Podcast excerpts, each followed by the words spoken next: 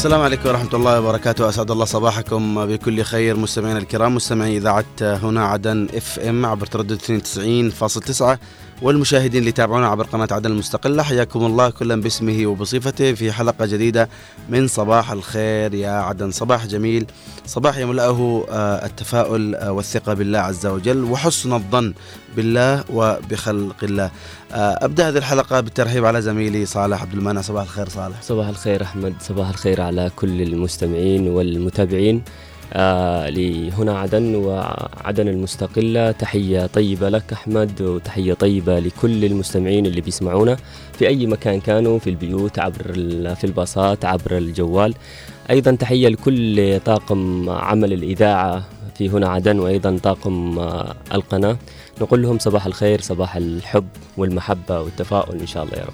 نعم صالح آه لا ننسى كمان آه يعني نصبح ونرحب بالزملاء اللي موجودين معنا في ال control من الإخراج الهندسة الصوتية نوار المدني ومن المكتبة آه أو من الإخراج التلفزيوني آه أحمد محفوظ. إن شاء الله من المكتبة بيكون معنا بعدين آه محمد خليل أو عبد الله.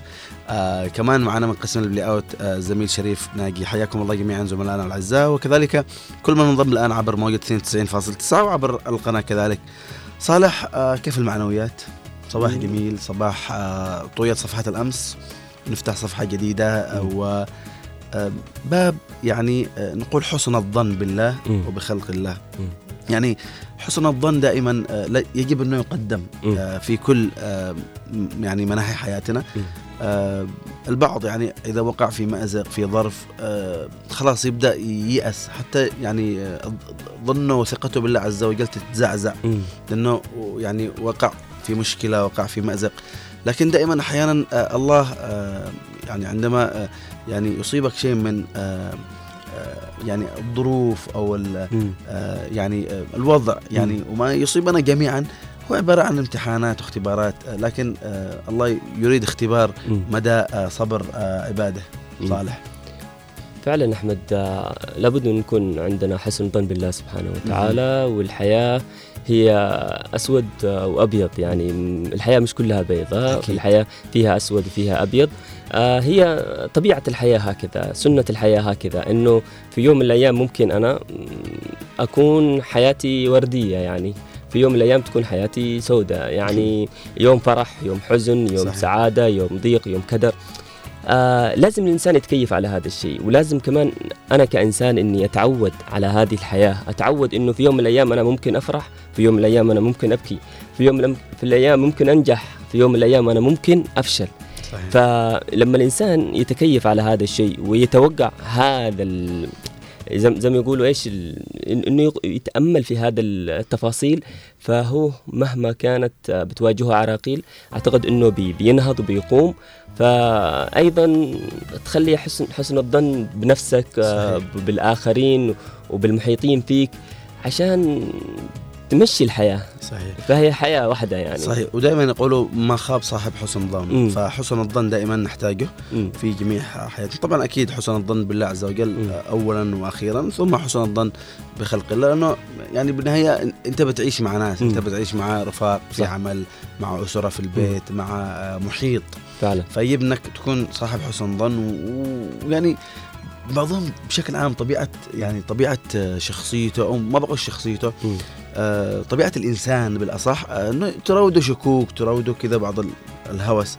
لكن حسن الظن مطلوب ويجب أن يقدم آه دائما صالح فعلا. لأنه إذا كنت سيء الظن إذا كان مثلا ثقتك بالآخرين متدنية أو إنك إنسان شكاك أه. آه هذا أعتقد إنه مرض. فيمكن يكون الإنسان هو مثلا تجرع يوم من الأيام الألم أو تجرع من اليوم خيبة الظن أو خيبة من من الآخرين. لكن هذا ما يدعني إني أنا خلاص أدخل في في جلباب هذا الشيء أو إني أتقوقع في هذا الموضوع لأنه بيوصل إلى إلى, إلى مرض. صحيح. صالح آه، يعني بالفعل يعني البعض آه، عندما آه، يعني يكون عندما يكون يعني مر بتجربة معينة يتحرك آه، يمينا ويسارا وخلاص يبدأ يشطب على الناس كلهم. آه لا لا تشطب على الناس كلهم خذ التجربة آه بالنهاية آه مع- معاملة الناس مش كلها سوا.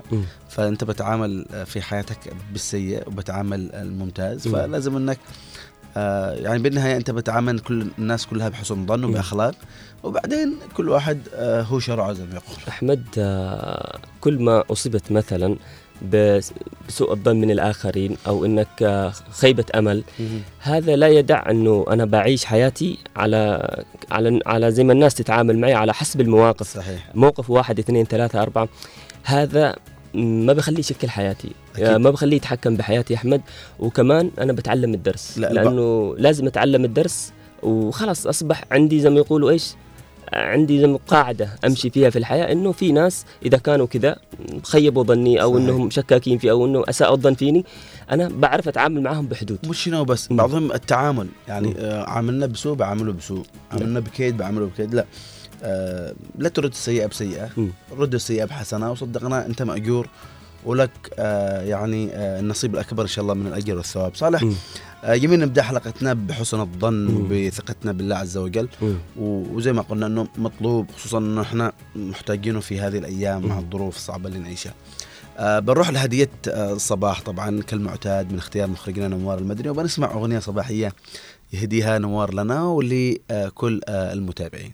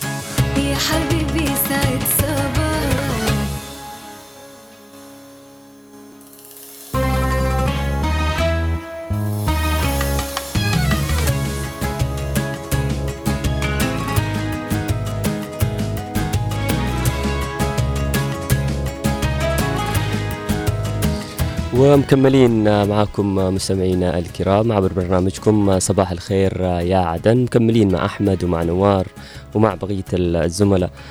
أحمد آه، إيش نقول الآن؟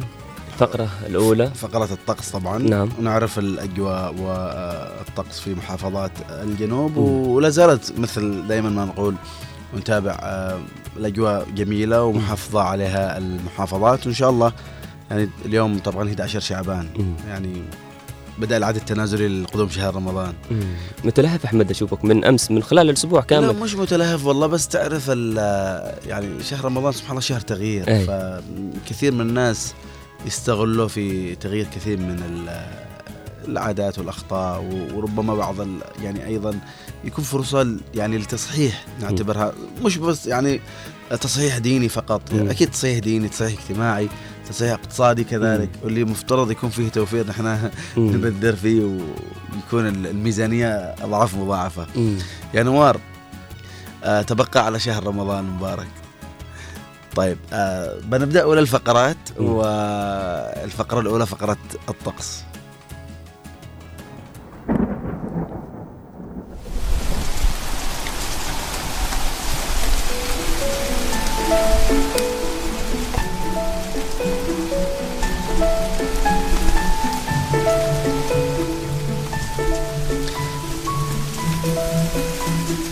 حياكم الله مستمعينا الكرام مستمعي هنا عدن متابعي قناة عدن المستقلة واهلا وسهلا بكم إلى آه هذه الفقرة فقرة الطقس لهذا اليوم ونبدأها من محافظة آه ابين حيث سيكون الطقس آه، في محافظة أبين آه، صباحا آه، هنا غيوم متفرقة ومشمس طبعا ودرجة الحرارة 27 درجة مئوية. أما ظهرا وعصرا ستكون درجة الحرارة 30 درجة مئوية.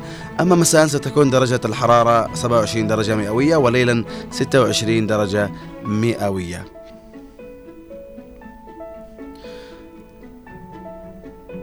أما في محافظة لحج ستكون درجة الحرارة صباحا 26 درجة مئوية وظهرا آه، 31 درجة مئوية وعصرا أيضا 30 درجة مئوية ومساء 27 درجة مئوية وليلا 25 درجة مئوية مع وجود بعض السحب المتفرقة آه، مساءً.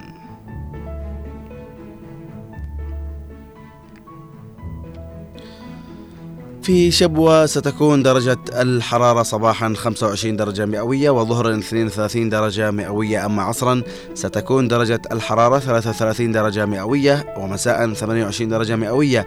أما ليلا ستكون درجة الحرارة 24 درجة مئوية.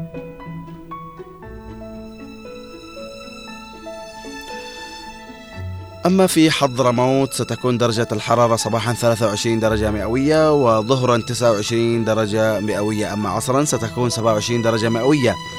ومساء وليلا تتناقص درجة الحرارة حيث ستكون في المساء 23 درجة مئوية وليلا 20 درجة مئوية.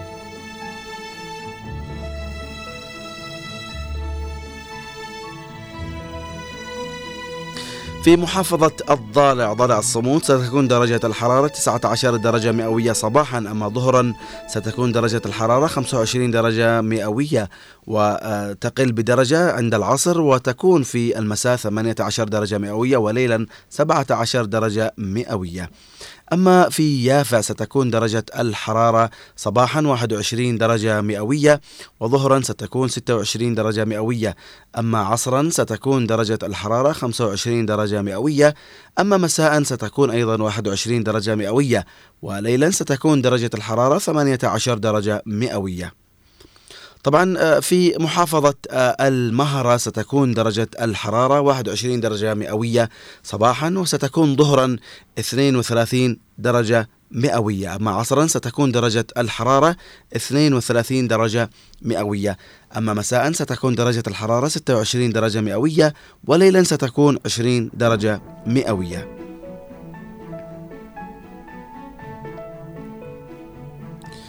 في أرخبيل سقطرى جزيرة السحر والجمال ستكون درجة الحرارة صباحا 23 درجة مئوية وظهرا 29 درجة مئوية. أما عصرا ستكون درجة الحرارة 28 درجة مئوية طبعا مع جو آه، مشمس وستكون درجة الحرارة مساء 23 درجة مئوية وليلا 20 درجة مئوية مع وجود آه، السحب في محافظة سقطرى في عاصمتنا الحبيبة عدن ستكون درجة الحرارة صباحا 26 درجة مئوية وظهرا آه، 27 درجة مئوية. طبعا مع وجود آه، السحب آه، وإن شاء الله يعني يكون آه، أجواء جميلة طبعا. ولا زالت درجة الحرارة منخفضة نعتبرها والجو يعتبر بارد. عصرا ستكون درجة الحرارة 27 درجة مئوية ومساء 26 درجة مئوية وليلا أيضا 26 درجة مئوية مع وجود يعني آه، برودة آه، مرتفعة طبعا لازلنا نحتفظ بها وإن شاء الله. أنها آه، تستمر كانت مستمعينا هذه أبرز أخبار الطقس ودرجات الحرارة في محافظات الجنوب صالح يعني لازلنا نحتفظ بالأجواء. الجميلة في العاصمة عدن خصوصا أنه درجة الحرارة ما تزيدش عن آه، 27 درجة بالضبط أو 26 درجة و- وهذا يعني آه، مؤشر طيب يعني لازلنا أنه مم. آه، زي ما نسميه نحن برد مم. وكمان نسميه استقرار جوي أي. في احوال الطقس في المناطق جميعها والله يعني إحنا على القلب حق البرد هذه. لا لا إن شاء الله تكون قلب إحنا قلبة لطيفة الحب كذا زي لطافة جو هذه الأيام أكيد بس آه، تبدأ الأمراض يعني مم. لا إن شاء الله يبعد عنا. الأمراض وعنك يا أحمد يا رب يا رب وعن جميع المستمعين إن شاء الله إن شاء الله. صالح بننتقل إلى فقرة آه، أخرى وهي فقرة طبعا آه، في حدثها في مثل هذا اليوم ونتعرف عن أبرز مم. الأخبار طبعا اليوم آه، تاريخ آه، 21 فبراير 21 فبراير. نتعرف أحمد خلال الأحداث ال- الماضية حدثت في مثل هذا اليوم في الجانب السياسي والثقافي. والرياضي الأدبي كمان فعلا وبنتعرف عن كثير من الشخصيات كمان اللي ولدت واللي توفت مم. بروح للفقرة مع نوار ピッ!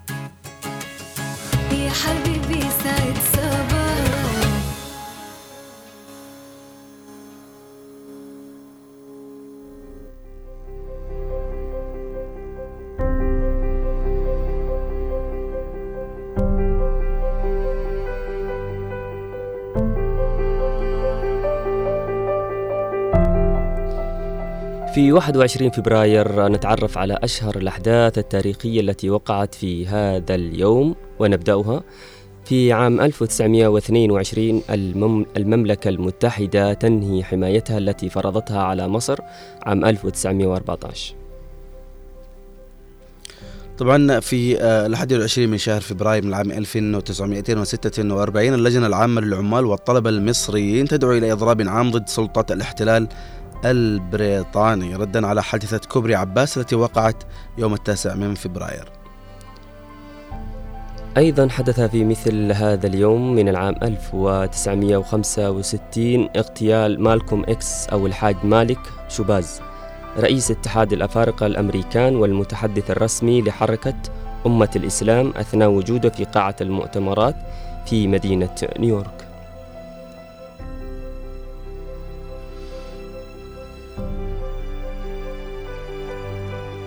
طبعا حدث في مثل هذا اليوم الحادي والعشرين من شهر فبراير من العام 1991 الجيش العراقي يفجر عددا من آبار النفط في الكويت إبان حرب الخليج الثانية. وفي عام 1952 طلاب بنغال يموتون في مظاهرات ضد اعتماد الأرادية كلغة رسمية وليس البنغالية ويسمي أهل بنغلاديش هذا اليوم بعيد شهداء اللغة.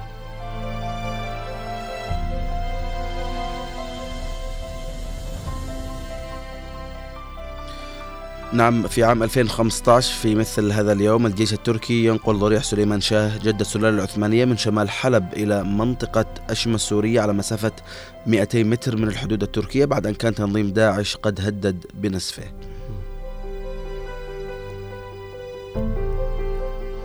أيضا حدث في مثل هذا اليوم رياضيا من العام 2021 نوفاك ديجوكوفيتش ونعومي أوساكا يفوزان في بطولة أستراليا المفتوحة لكرة المضرب لعام 2021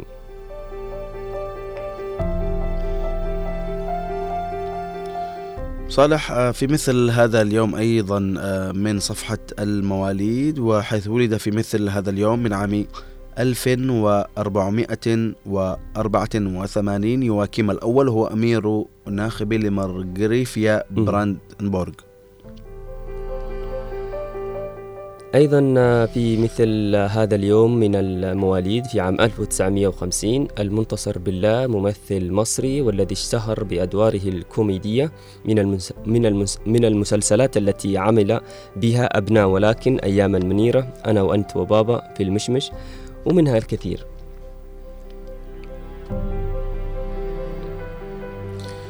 أيضا في مثل هذا اليوم 21 فبراير من العام.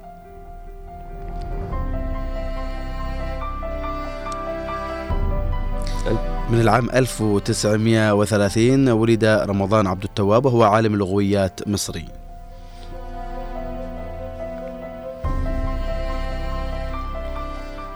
أحمد نذهب إلى الوفيات في عام 1973 آه، توفيت سلوى حجازي مذيعة مصرية وقدمت عددا من البرامج الشهيرة عبر تاريخها منها شريط تسجيل العالم يغني المجلة الفنية.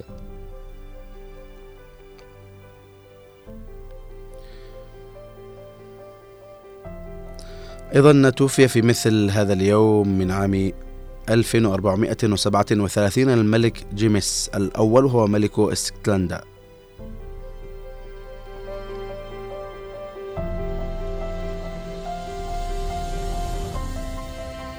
أيضا توفي في مثل هذا اليوم محمد رضا عام 1995 هو ممثل مصري والذي اشتهر بأدوار ابن البلد وأدوار المعلم ومن أبرز أفلامه 30 يوم في السجن.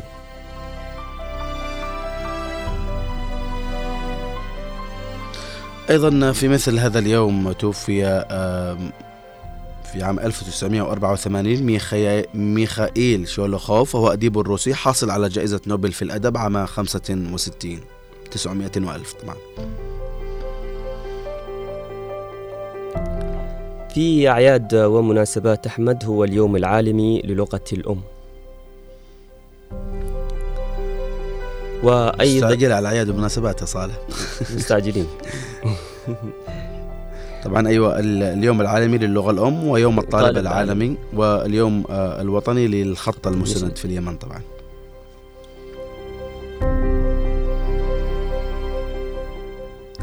آه، بهكذا ننهي فقرة آه، حدث في مثل هذا اليوم. فيها يعني نوعا ما بعض الأحداث. بس ما فيش أحداث كذا. في طبعا في في حدث في حدث لكن آه نتذكره طبعا آه آه، في آه 21 فبراير طبعا آه 2015 عندما آه يعني انتقل أو يعني بعد أن كان تحت الإقامة الجبرية طبعا آه الرئيس عبد الرب منصور هادي تحت الإقامة الجبرية من قبل ميليشيا الحوثي.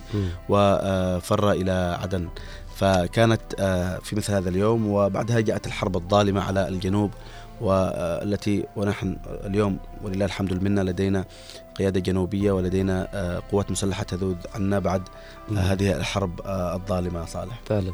ومؤسسات وكيان نعم مستقل بذواتنا يعني يعني. مؤسسات دولة اليوم نحن في إعلام جنوبي خالص نوجه رسالة خالصة رسالة جنوبية مؤسسات جنوبية. آه، نسأل الله أن يديم هذه النعمة آه، علينا جميعا بإذن الله. بإذن الله ويظل صوت الأبناء الجنوب أكيد صوت مسموع. أبناء الجنوب آه، لا تثنيه الظروف ولا تثنيه آه، كل التآمرات التي آه، حصلت طبعا آه، منذ آه، ال- القدم طبعا. صالح بننتقل إلى فقرة أخرى وهي فقرة آه، حلو الاخبار بعد ما نروح فاصل قصير مع نوار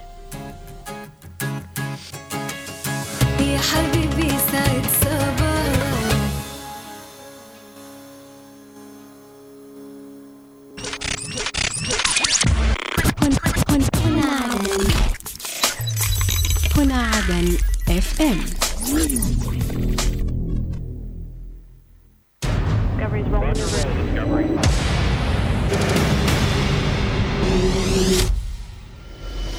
نقرأ ما تتناوله الصحافة والمواقع الإخبارية المحلية والعربية من أخبار ومقالات سياسية واجتماعية وثقافية ورياضية.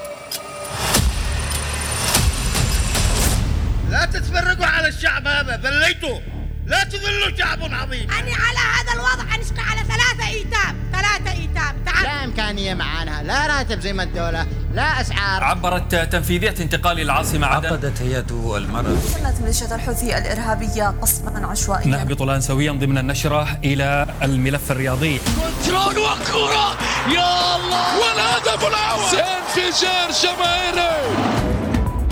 نواكب فيها كل المستجدات وننقلها لكم في برنامج زاوية الصحافة. زاوية الصحافة من السبت للخميس الثاني عشر والنصف ظهرا. جولة إخبارية على هنا عدن اف ام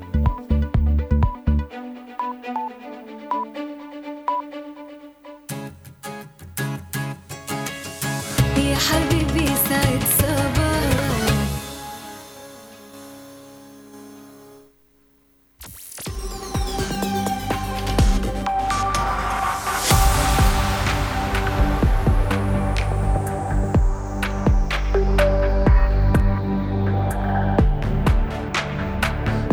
حياكم الله مستمعينا الكرام من جديد ومتابعينا كذلك عبر قناة عدن مستقلة ومكملين معكم باقي الفقرات لهذا اليوم طبعا ونبدأ آه، فقرة حلو الأخبار من الموقع الرسمي للمجلس الانتقالي الجنوبي وفيه مركز البحوث ودعم القرار يشيد بدور الإعلام الجنوبي في إيصال رسالة قضية شعبنا ومساندة جهود القيادة الجنوبية.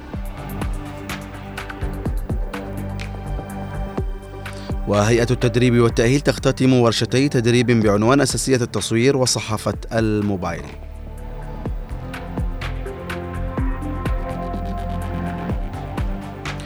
وننتقل إلى 4 مايو وفيه.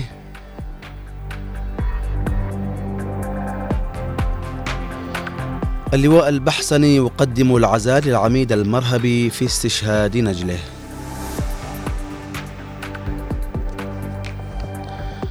بن عفرار يلتقي رجل الأعمال والشخصية الاجتماعية بن محيسن.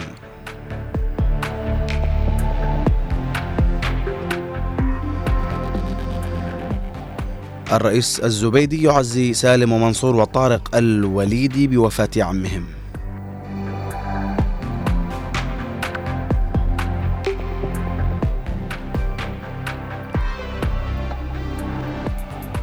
ورئيس انتقالي شبوة يلتقي المحافظ ابن الوزير.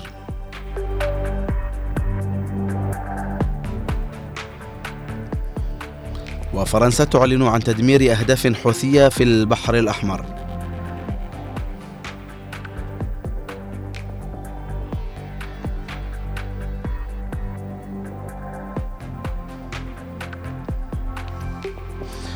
وننتقل الآن إلى عدن تايم وفيه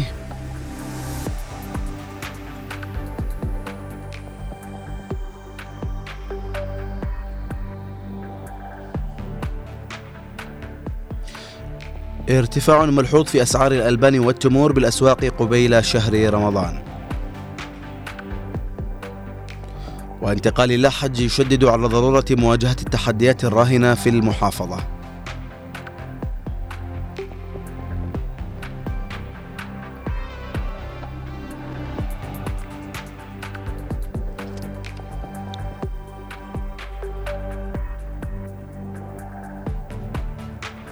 وفي أول عملية فرنسا تعلن عن تدمير أهداف حوثية في البحر الأحمر.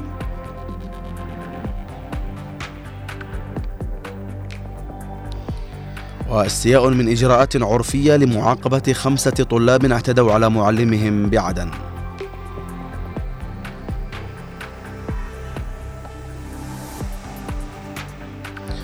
وننتقل إلى عدن 24 وفيه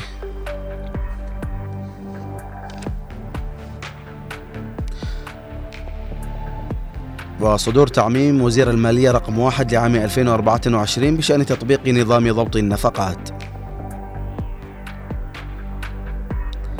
واللواء السقطري يؤكد تفعيل دور الجمعيات التعاونية السمكية لخدمة الصيادين.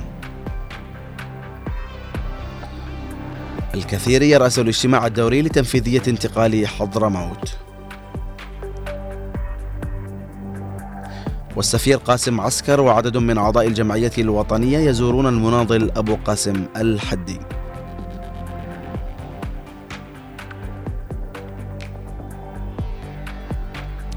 كانت مستمعين هذه أبرز الأخبار في المواقع آه، الإلكترونية والصحف آه، أيضا الإلكترونية. إن شاء الله تكون أخبار آه، طيبة. صالح يعني هناك لا زالت بعض الأخبار طبعا ربما أبرز خبر لفت نظري الاجراءات العرفية مثل ما سماها الموقع.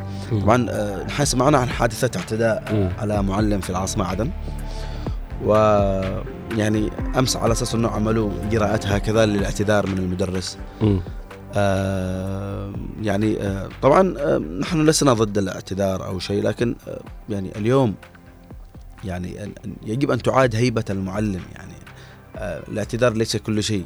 يعني يجب أن كانت تتخذ اجراءات رادعة بفعل يعني تجاه الطلاب الذين اعتدوا على هذا المعلم. فنتمنى حقيقة أن يتم يعني رد الاعتبار لهذا المعلم يعني بطريقة آه، أفضل وطريقة أرقى من طريقة آه، مثل ما سماها الموقع الطريقة العرفية يعني. آه اليوم خلاص يعني واحد ضرب معلم وبيعتذر له بكرة بيجي واحد غيره بيضربه وبيعتذر وصلى الله وبارك.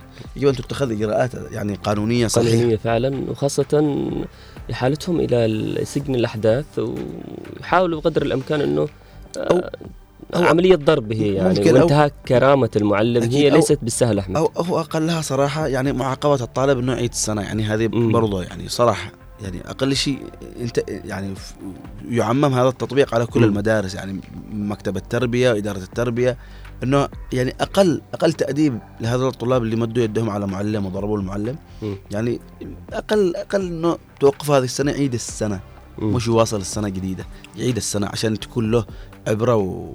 وأدب إنه ما يتطاول على معلم. ما فيش محكمة الطفل عندنا. مش عارف والله صراحة لكن عموما آه، نحن حاجات كثيرة ما هليش إن شاء الله. لكن صراحة يعني آه، فعلا. يجب أن تعاد هيبة المعلم و آه، يا شيخ والله كنا نشوف المعلم من بعيد نهرب. نشوفه من بعيد نهرب. يعني كانت في في احترام. في هيبة وفي احترام وفي فعلا. في أدب. في اليوم يعني وصلنا للضرب. فعلا. مشكله والله. أحمد آه، مع هذا الموضوع إلا أنه كمان المعلم هذا الفترة يعاني يعاني من كثير من من الحقوق التي مهضوم فيها الراتب البسيط اللي ما يقدر يوفر فيها لقمة عيش كريمة لبيته من غير ال- المناسبات من غير ال- الظروف الأخرى. فما بيقدرش يوفر خلال هذا الراتب بيعاني. وكمان هي موجودة كمان في بعض المحافظات يمكن إضرابات للمعلمين فمن أجل أن تستعاد آه، حقوقهم أحمد مهم. ما بالك ضرب وإهانة و... وانتقاص من حقهم صالح ال- الكيس الرز 90000 أو أكثر مم. والراتب أقل من هذا يعني شيء والله شيء زعل عموما آه إن شاء الله ربنا يبي يصلح الشام بإذن الله تعالى. آه نروح آه الفاصل مع نوار ونعود نواصل باقي الفقرات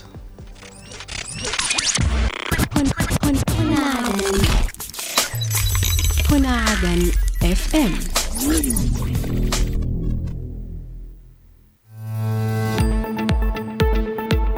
نتطلع لنيل ثقتكم.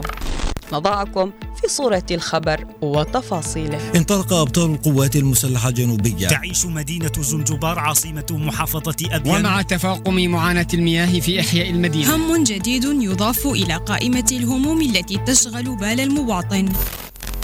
تقارير إخبارية وتحليلية. مركز الطوارئ التوليدية الشاملة. إلى الشعيب مرة أخرى. ستة شهداء رووا الأرض بدمائهم الزكية. مفارقين عائلتهم لجرح لا يندمل. نجسد المهنية الموضوعية والدقة هي السبق في تقارير الأخبار. تقارير الأخبار من السبت إلى الخميس. في تمام الساعة السادسة مساء.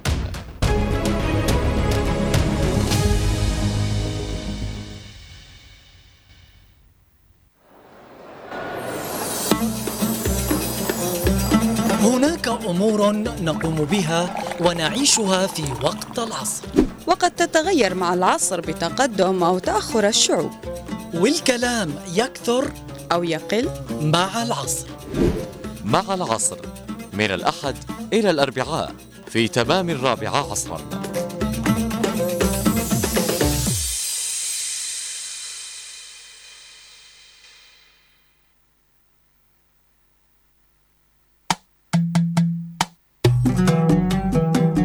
جولة عبر الأثير فسحة أثيرية في ساعة من الزمن. نسافر بكم فيها عبر أثير إذاعة هنا عدن. عبر الأثير. مساحة سياحية ثقافية واجتماعية. ما علينا يا حبيبي ما علينا. وعز الناس وقربوا إلى قلبي. يا باهي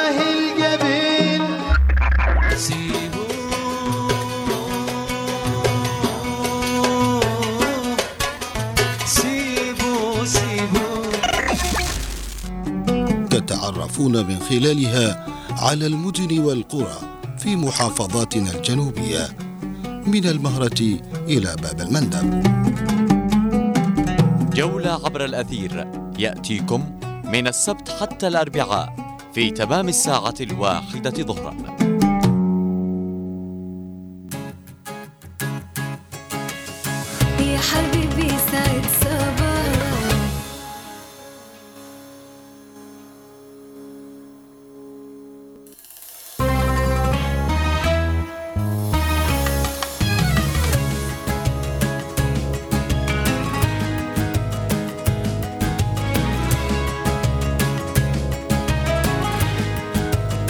مواصلين معكم مستمعينا ومشاهدينا الكرام في صباح الخير يا عدن لهذا اليوم. صالح آه، يعني الأخبار دائما آه، عندما نتكلم فيها تكون آه، يعني توصل لك معلومة وتوصل لك كمان رسالة. يعني نحن اليوم لما نتكلم عن أي خبر أو نعلق عليه معناه إنه يعني نعيش إحنا هذا الواقع. يعني لما نتكلم اليوم عن معلم أو غير معلم والمعاناة اللي يعيشها المعلم كمان وينبغي أن يكون رد الاعتبار. طبعا هذا بس تعليق على الخبر اللي آه كان آه من قبل يعني. فإن شاء الله أنه نرى حقيقة رد اعتبار أكبر هذا المعلم التي أو الذي عفوا آه تم آه يعني الاعتداء عليه. يجب أن تعاد له آه هيبته وكرامته. آه صالح طبعا إحنا نترقب لفقرة. امم وهي الفقرة الرياضية. الفقرة الرياضية فقرة النشاط والحيويه مع. الكابتن آه خالد هيثم. صباح الخير كابتن. صباح الخير أحمد أنت تترقب وأنا قاعد أنتظرك بكل لهفه أنت وصالح وأكيد وأنوار المدني وأحمد المحفوظ والاحبه في ونحدا ربنا يعطيك العافية. اذا كابتن ننطلق إلى الفقرة الرياضية.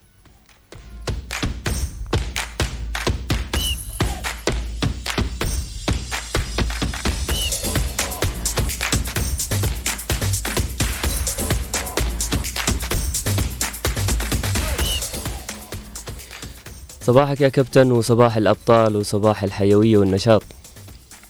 صباح الفل أكيد صالح وصباح الجمال وصباح الرضا والعافية. امم كابتن بداية مع قرار اللجنة المشرفة على مباراة التكريمية للكابتن محمد حمادة نجم الوحدة. نعم صالح أكيد نجدد الصباح لكم ولمن يستمع اثيرنا عدن. آه، في جزئية محمد حماده طبعا نجم وحدة عدن ونجم الانتخابات الوطنية. آه، الاعتزال آه، صالح حق من حقوق اللاعب عندما هكذا يقرر أن يذهب إلى بعيد عن الملاعب. لكن عندنا هنا حقيقة في المنظومة العامة انه اللاعب تمر سنة وسنتين وثلاث وأربع و وهو ينتظر أنه من ممكن يستجيب لي مطلبه هكذا في إنه يحظى بمباراة تكريمية اعتزالية. ينهي بها المشوار يعني يشعر ان الكل حواليه الكل يعني آه، قد أعطى آه، هناك مساحة تقدير لما قدمه هذا اللاعب. وبالتالي للأسف نجوم كبار كبار جدا آه، صالح غادروا ملاعب كرة القدم لكن لم يحظوا مباريات اعتزال. ومع ذلك اليوم نحن سعداء إنه هذا النجم الجميل ال- الأنيق ال- ال- المخلق محمد حمادة سيحظى بهذا الأمر باعتبار إنه تم إقرار الموعد يوم 28 فبراير يعني على بعد أيام. في ملعب شهداء وحدة عدن بالشيخ عثمان. المدينة التي قدمت هذا اللاعب وأعطته طبعا النجومية من بوابة نادي وحدة عدن وبالتالي كثير من الأشياء وضعت أمام هذا اللاعب. لكن أيضا نحن بالاخير آه، نحيي كل الجهود. آه، ننتظر ردة فعل من المجتمع العدني ومن المنظومة الرياضية ومن الأندية ومن نادي طبعا وحدة عدن وكل من يستطيع أن يذهب إلى هذا اللاعب ليلامس فيه. شعور الابتسامة بالوفاء لمن أوفى طبعا وأعطى مشوار جميل مع كرة القدم. الكل طبعا باذن الله تعالى ينتظر يوم 28 آه، فبراير الحالي في ملعب الشهداء. لنرى ماذا ممكن أن يقدم لهذا اللاعب بعد مشوار العطاء وبعد انتظار لسنوات حتى يظهر مهرجان اعتزال أو تكريم لهذا اللاعب. بالأمنية طبعا المباراة ستقام بين نجوم القدامى طبعا زملاء ال- ال- الكابتن في وحدة عدن وفي الأندية العدنية والجنوبية. وبالتالي إحنا نتمنى لمحمد حمادة كل شيء جميل وهو يذهب إلى مباراة آه، تكريم مباراة اعتزال في الأيام القادمة. امم بالنسبة لطائرة آه، نادي خنفر كابتن تهبط على أرضية ملعب نادي حسان ويتم رد رد الدين لها نعم لماذا رد الدين؟ لأنه المباريات تقام بنظام الذهاب والإياب في مم. أبيان هناك تصفيات لأندية أبيان كنا قبل أيام تحدثنا عن آه، مباراة من تاريخ رياضة أبيان لأنه هناك يعني خنفر وحسان هما طرفي الحوار الممتد لسنوات طويلة طبعا في جعار مم. وزنجبار وبالتالي كان فاز خنفر في البداية لكن امس أيضا حسان هكذا ثار نفسه وفاز على خنفر بثلاثة أشواط لشوط في مباراة ضمن تصفيات أبيان لكرة الطائرة بالأمنيات أكيد لأبيان للطائرة للقدم لكل الالعاب كل شيء جميل في الممرات ال- ال- القادمة. أكيد نبارك لحسان هارد لك خنفر. ننتظر باقي المعطيات في حوار كرة الطائرة في أبيان. بالنسبة إلى جزيرة سقطرى آه، تشهد حيوية ونشاط رياضي.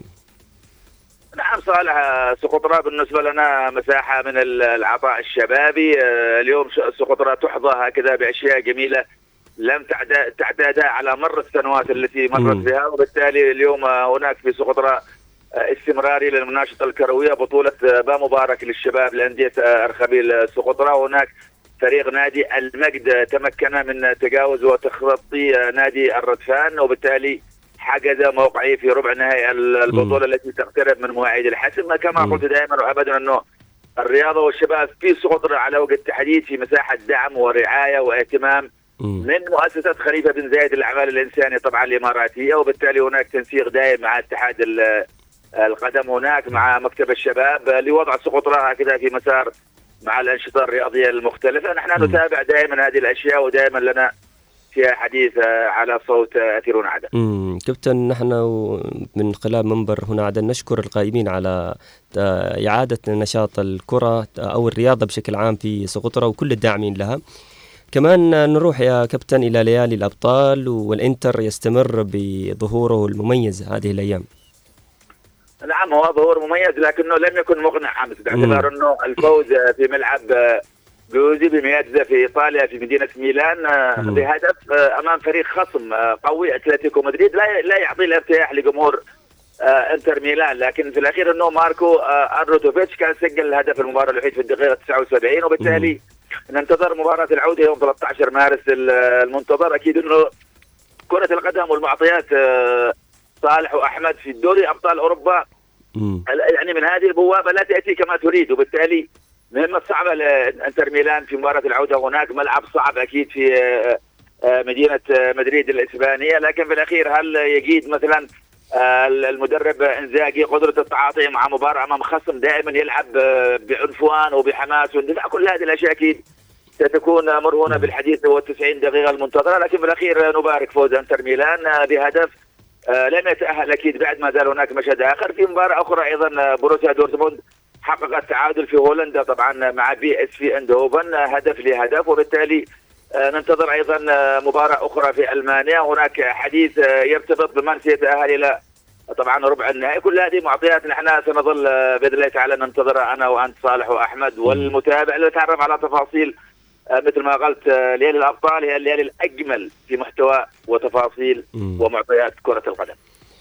كابتن آه، انجليزيا في الدوري الإنجليزي الممتاز آه، مع إصابات آه، لاعبين آه، نادي ليفربول وخيبة ال- ال- الأمل عند كلوب كمان أيضا مانشستر سيتي آه، يقلص الفارق نعم هو. خلص الفارق أمس بصعوبة حقيقة باعتبار انه ماكينة الأهداف آه، هالاند كان أمس آه، تقمص الدور آه، في مباراة مؤجلة طبعا الآن تساوت كل الفرق في المباريات. وبالتالي مان سيتي بالفوز 56 نقطة آه، بفارق نقطة عن الأرسنال طبعا صاحب المركز الثالث وبالتالي أيضا نقطة عن المتصدر ليفربول. لكن في الأخير إنه في بعض المواعيد صالح اذهب إلى الفوز باي بأي نتيجة. بأي يعني شكل بأي هوية. وهذا ما يحققه اليوم طبعا آه، مانشستر آه، سيتي مع آه، جوارديولا أكيد نحن أمام منعطف مثير مثير مثير جدا في المعطيات والحسابات آه، في الدوري الإنجليزي.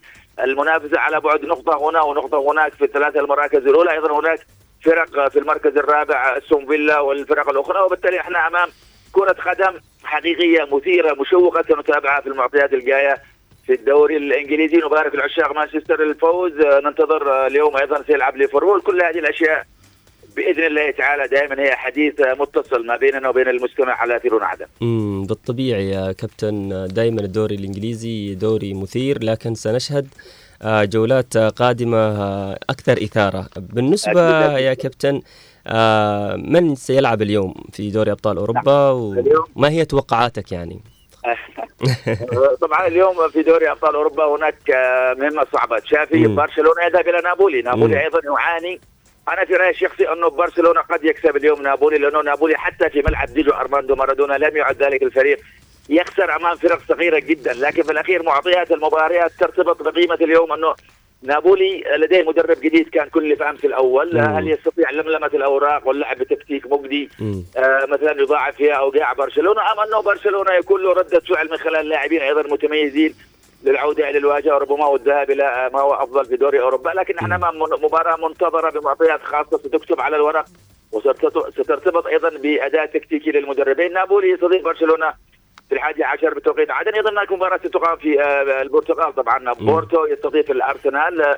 فريقين أيضا ممكن أن يقدما مباراة جميلة. أكيد المعطيات تمنح أرسنال الأفضلية لكن دائما الأرض والجمهور في البرتغال هناك حديث خاص مع المدرجات. نحن أيضا سننتظر مباراة م- واعده بالكثير. بورتو أرسنال في نفس التوقيت العادي. عشان عندنا أيضا في دوري أبطال آسيا.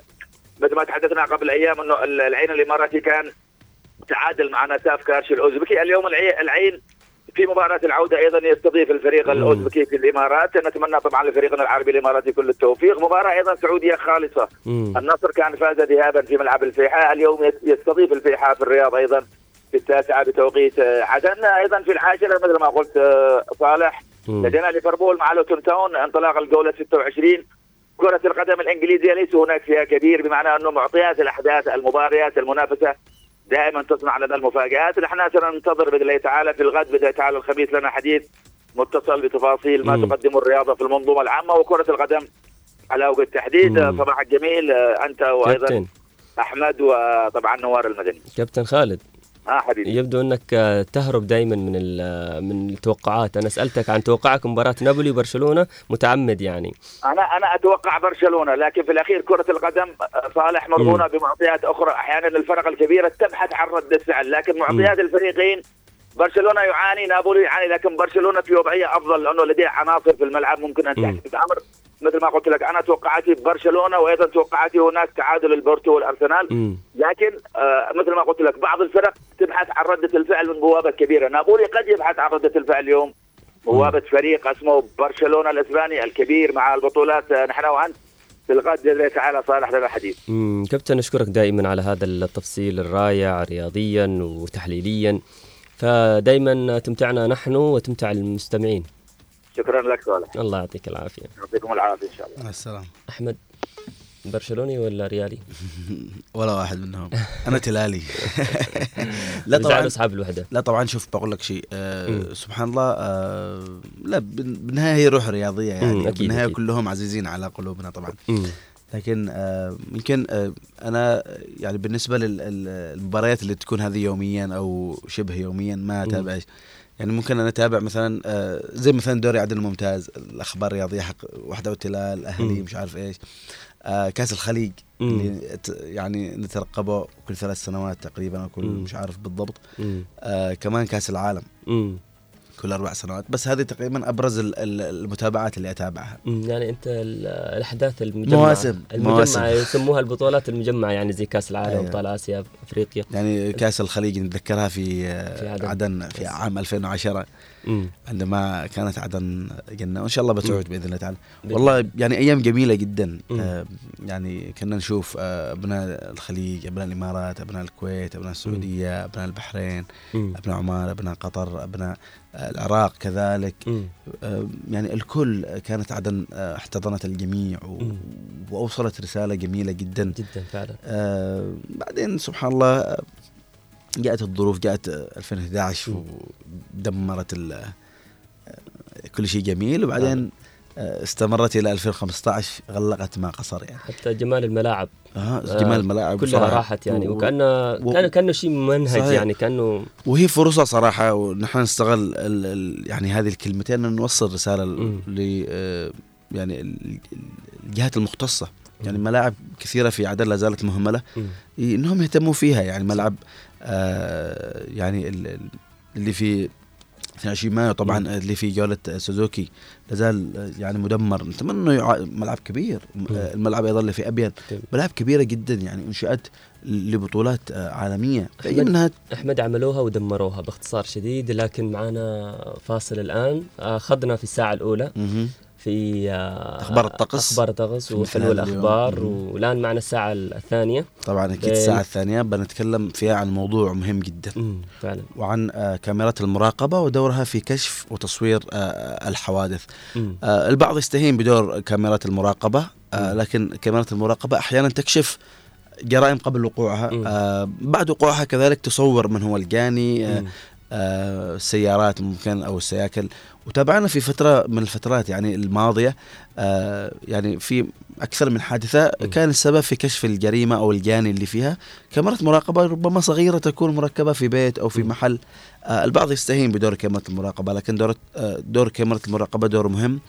آه سواء آه للمحلات للمولات للبيوت. يعني كثير من الناس والله في بيوتهم مركبين كاميرا واحدة أو كاميرتين. آه، رغم إن يعني آه، عشان أحمد آه، ما ندخلش في تفاصيل الموضوع الآن بنحرق الموضوع. أيوه بنروح آه، إلى فاصل قصير مع نوار وبنعود بإذن الله بنعود. وكمان منتظرين مشاركات وتفاعل أكيد المستمعين بنستقبل آه، اتصالات عبر أرقام الهاتف 20 11 15 20 17 17 ورقم الواتساب 75 39 99 9 وصفحات الفيسبوك بإذن الله تعالى انتظرونا بعد الفاصل وبنعود ونواصل موضوع حلقتنا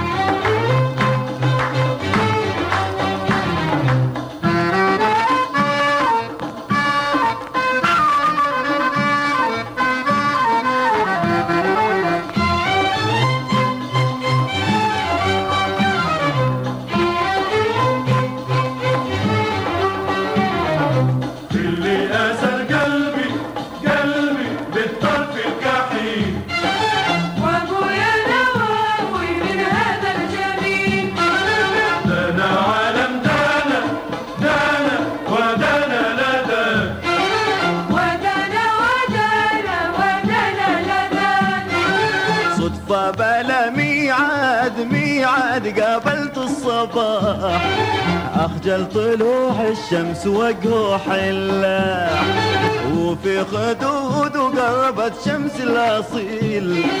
وأبويا نواوي من هذا الجميل. صدفة بلا ميعاد ميعاد قابلت الصباح. أخجل طلوع الشمس وجهه حلاح وفي خدوده قربت شمس الأصيل. وأبويا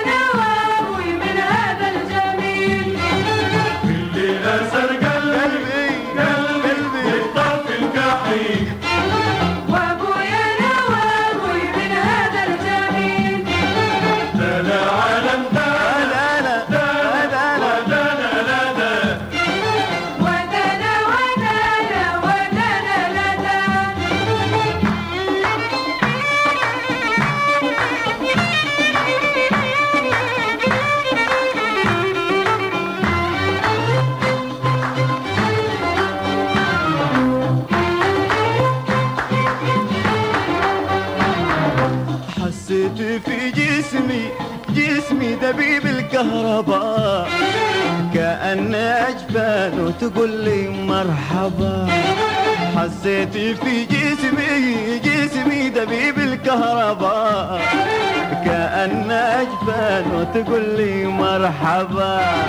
أنت الأمل أنت المنى أنت الخليل. وابويا نواوي من هذا الجميل. حسيت في جسمي جسمي دبيب الكهرباء. كأن أجفانه تقول لي مرحبا. أنت الأمل أنت المنى أنت الخليل.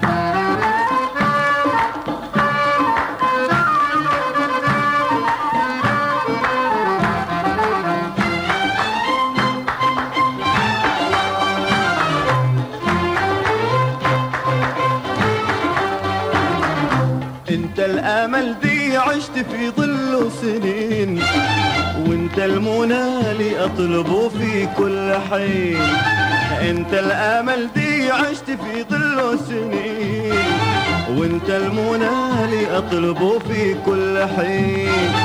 وانت خليلي ما ابدل بك بديل. وأبويا نواوي من هذا الجميل. انت الأمل دي عشت في ظله سنين. وانت المنى لي اطلبه في كل حين. وانت خليلي ما ابدل بك بديل. وأبويا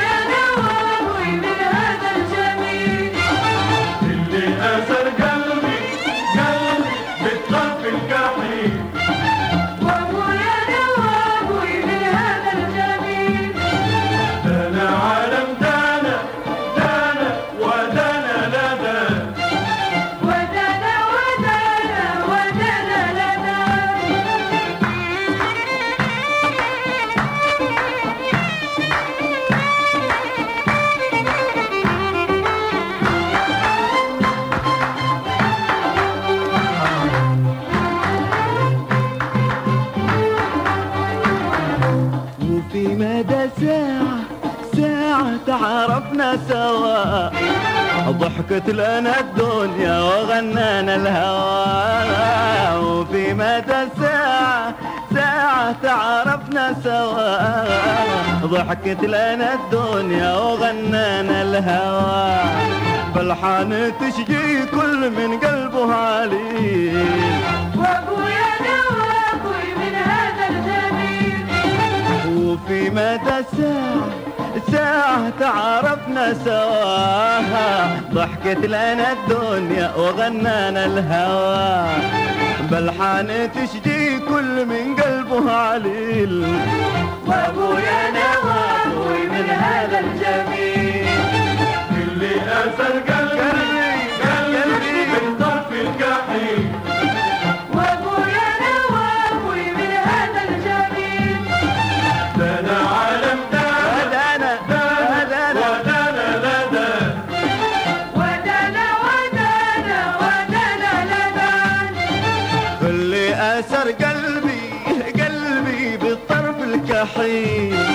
وابويا أنا وابوي من هذا الجميل. خلي أسر قلبي قلبي بالطرف الكحيل. وابويا أنا وابوي من هذا الجميل.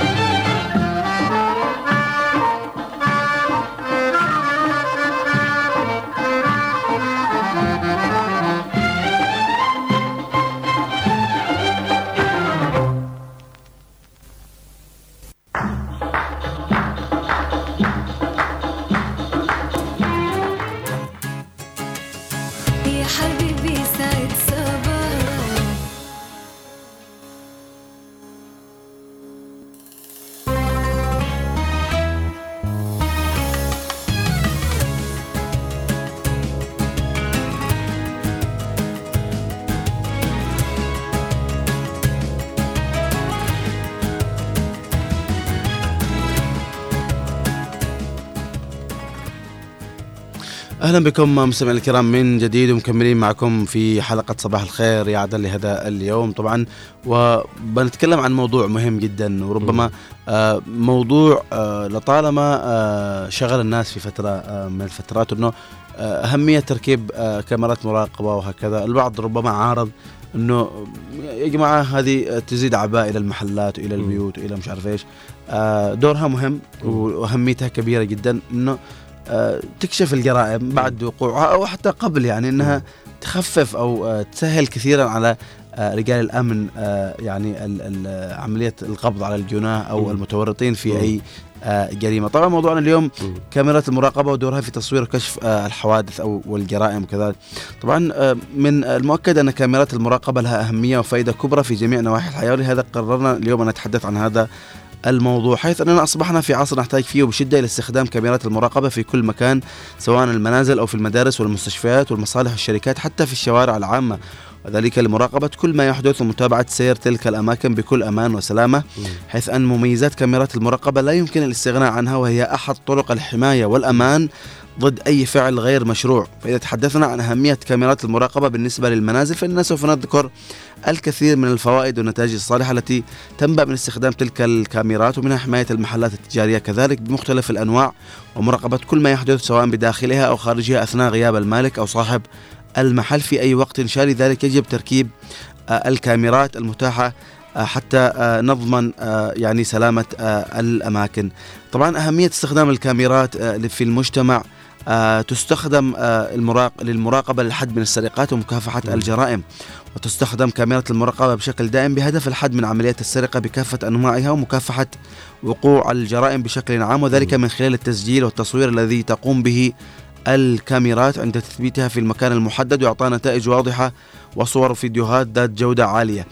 طبعا كذلك مراقبة عملية سير العمل داخل المصالح والشركات وحماية العمال والموظفين والحماية الأمنية في الشوارع وكشف الخارجين عن القانون. وكذلك من أهميتها ودورها مراقبة المدارس والجامعات وسير العملية التعليمية ومراقبة المخازن والشركات الكبرى وكذلك مراقبة المنازل والعمارات السكنية والأحياء ومراقبة المحلات التجارية ومحلات الذهب والمولات كذلك. وتستخدم أيضا آه، في المستشفيات آه، بكثرة كذلك. صالح آه، لا غنى لأي مرفق عن كاميرات المراقبة خصوصا نحن نتحدث اليوم نتحدث عن وضع مش مستقر في مم. البلد ربما أو آه، تكثر عمليات السرقة عمليات ال- الاغتيالات عمليات ومؤخرا إحنا تابعنا صالح كثير من العمليات اللي آه، سواء عمليات إرهابية عمليات سرقة. آه، عمليات يعني فوضى كانت تفتعل يعني كان كاميرات المراقبة دور كبير في كشف هذه الجرائم ومعرفة الجناه وكذلك يعني متابعة خطوط يعني ال ال يعني ال ال- العمليات أو آه، تورط آه، الجناه وكشف الشبكات التي كانت آه، يعني متورطة بهذه الأعمال الإرهابية سواء أو حتى آه، يعني آه، عمليات السرقات. فعلا أحمد زي ما أسهبت وتكلمت آه، قبل لحظة إنه الكاميرات المراقبة أعتقد إنه شيء مهم ومساعد آه، للكثير من القضايا القضايا الأمنية ال- أيضا لحفظ الأمن والأمان كمان لحفظ سلامة آه، ممتلكات العامة. فهي أعتقد إنه لابد من وجودها في خاصة في هذه الفترة التي نمر فيها بشكل عام لأنه تعرف إنه في بعض القضايا أحمد آه، لربما يعجز عنها مثلا آه، في البحث الجنائي يعجزون عن أمور كثيرة يعني ما فيش دليل معين لكن أها. تأتي الكاميرا صحيح. وتحل هذا الموضوع إن كان في سرقة إن كان في جريمة إن كان في آه اعتداء إن كان في آه زي ما تقول مس كرامه ال- الآخرين. صحيح. هذه الأشياء تثبت عليهم على طول يعني وقد خلاص هي موضوع يعني كان شايك وصعب. في لحظة معينة خلاص شوف ال- كاميرات المراقبة واحتل الموضوع. صحيح صالح. يعني آه، مؤخرا سمعنا عن كثير من آه،. الجرائم اللي ارتكبت في العاصمة عدن مثلا على سبيل المثال. كان دور كان دور كاميرات المراقبة دور كبير في كشف الجناه مم. في آه، حتى في معرفة يعني ال- الحادثة نفسها ربما الحادثة ما كانتش معروفة في يعني يعني مثلا الجريمة ارتكبت الساعة 7 تم اكتشافها مثلا الساعة 9 مثلا. أو ليش بسبب كاميرا المراقبة يمكن لو ما كانت في كاميرا.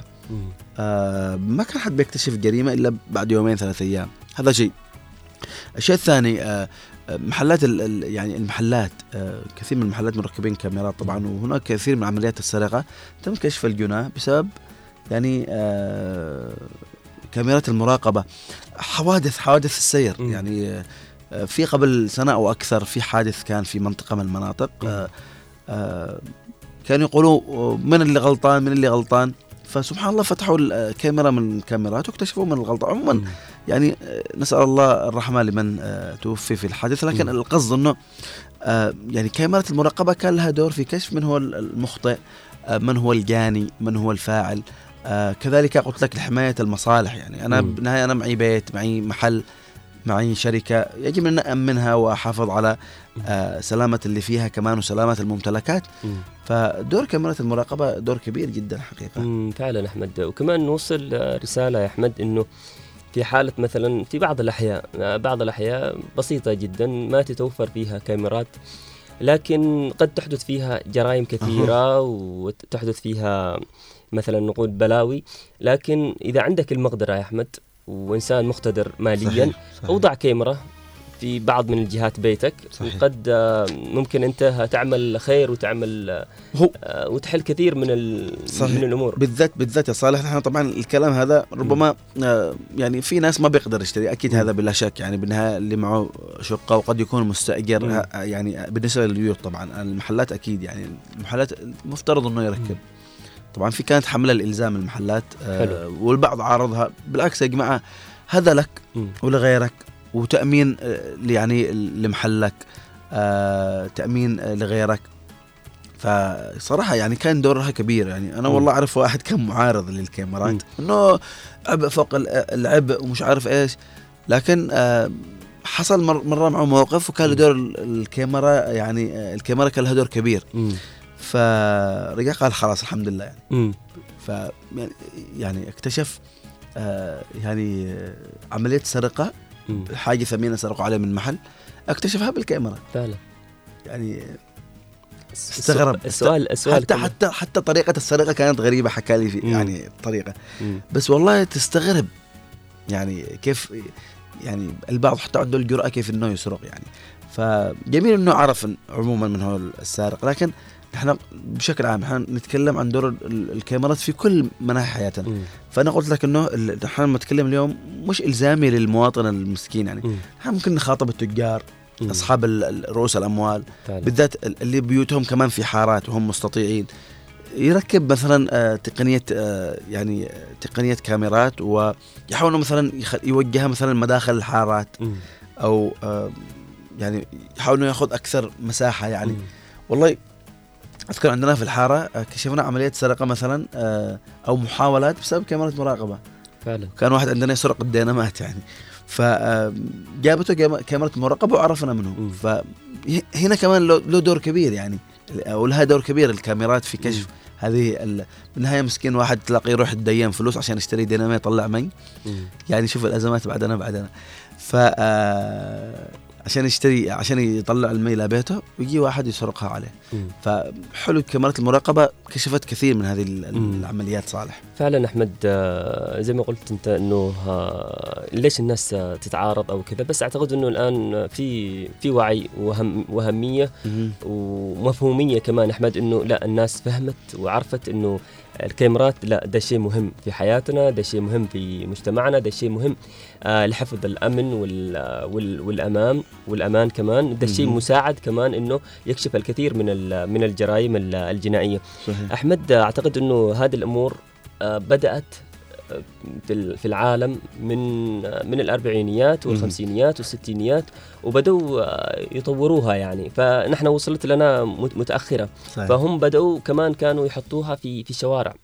لأنه تعرف يقول لك لازم أنا أحفظ آه، القيمه الشيء يساعدني صحيح. صح إنه ال- الأمن والشرطة وال- والجهاز ال- الاستخباراتي الموجود في الدولة بيساعد أكيد لحفظ الأمن وحفظ الهوية الوطنية بشكل عام.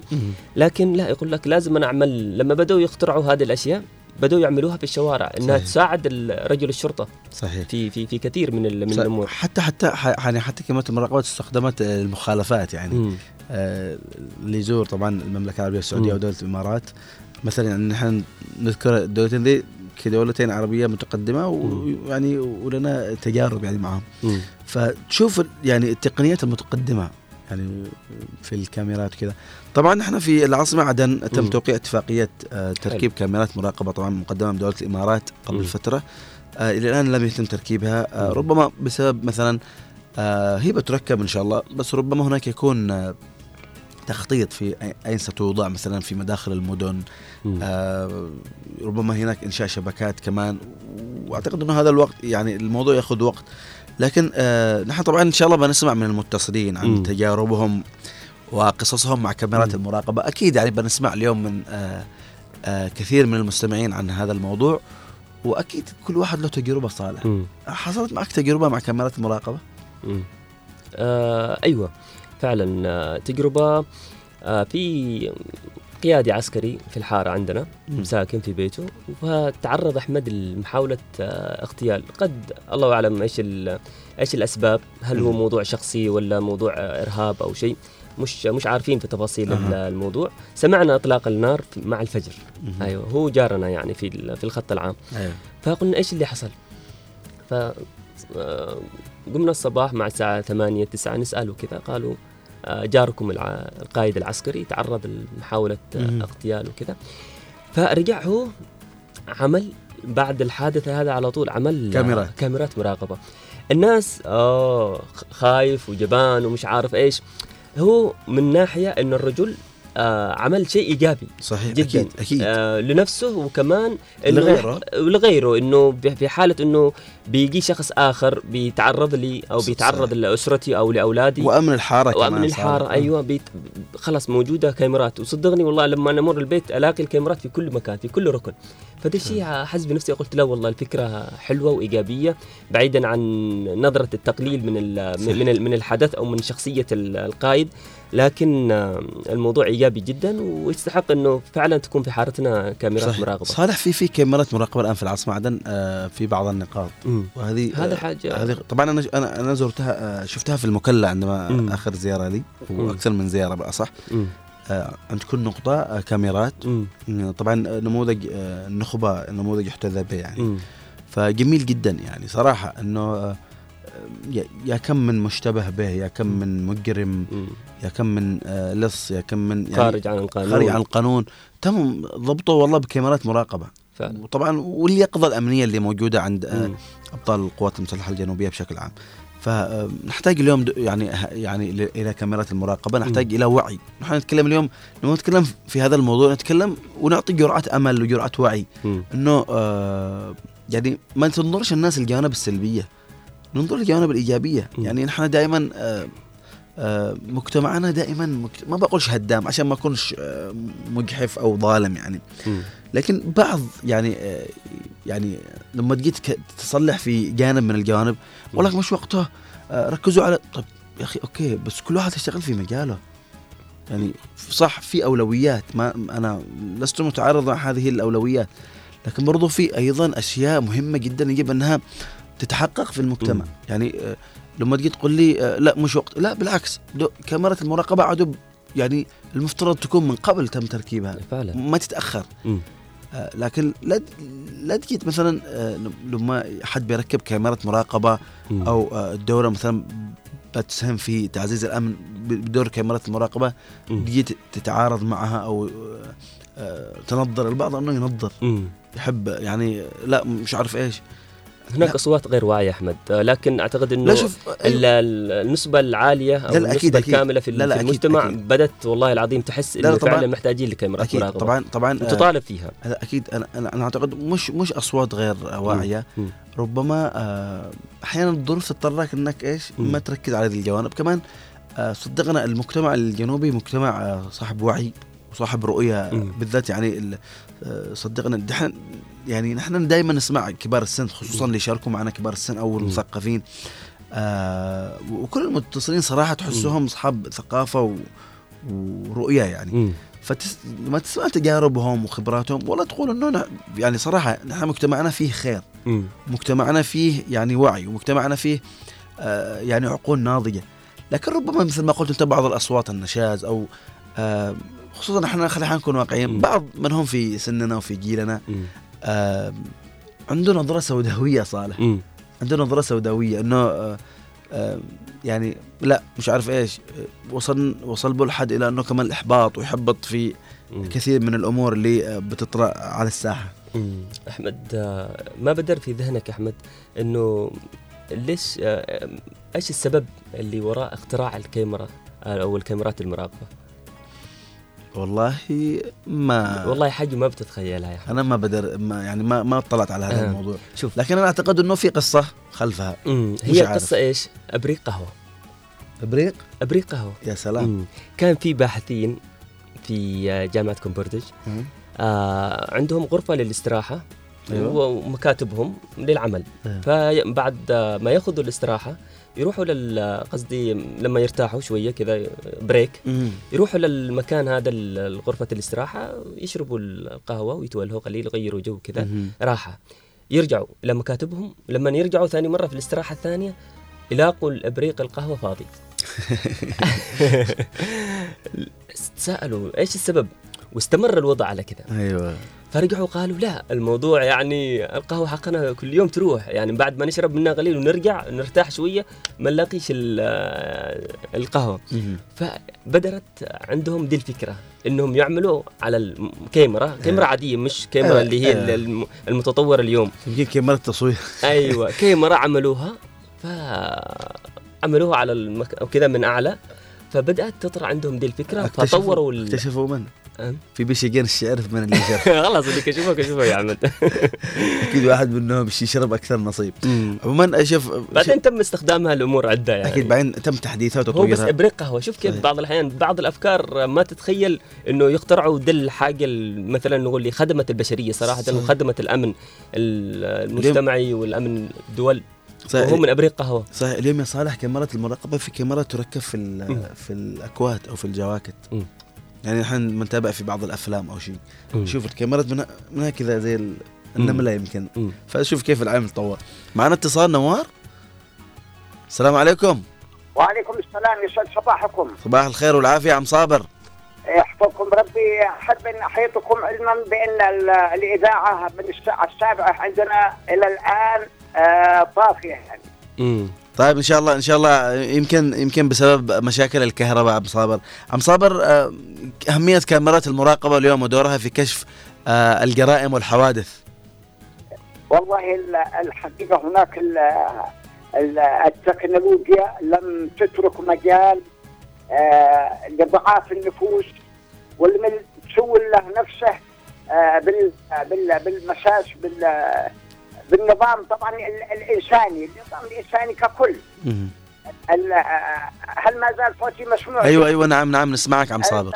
حقيقة كاميرات ال- ال- المراقبة والتتبع يعني آه، هذه هذه من البدع ال- الرائعة الحسنة من البدع ال- البدع الحسنة طبعا. التي أكتشفها الإنسان وهي آه، تخدم آه، تخدم شريحة واسعة من الشعب إن لم يكن آه، البشرية. الشعب التي آه، وصلت إليه ال- ال- التكنولوجيا طبعا. يعني ال- ال- نحن ما وصلنا إلا ال- إلا القليل أو رائحة التكنولوجيا إلى إلى بسبب ال- المشاكل والحروب وغيرها وغيرها. أيضا اللعب بال يعني بمقدرات ال- ال- ال- الشعب.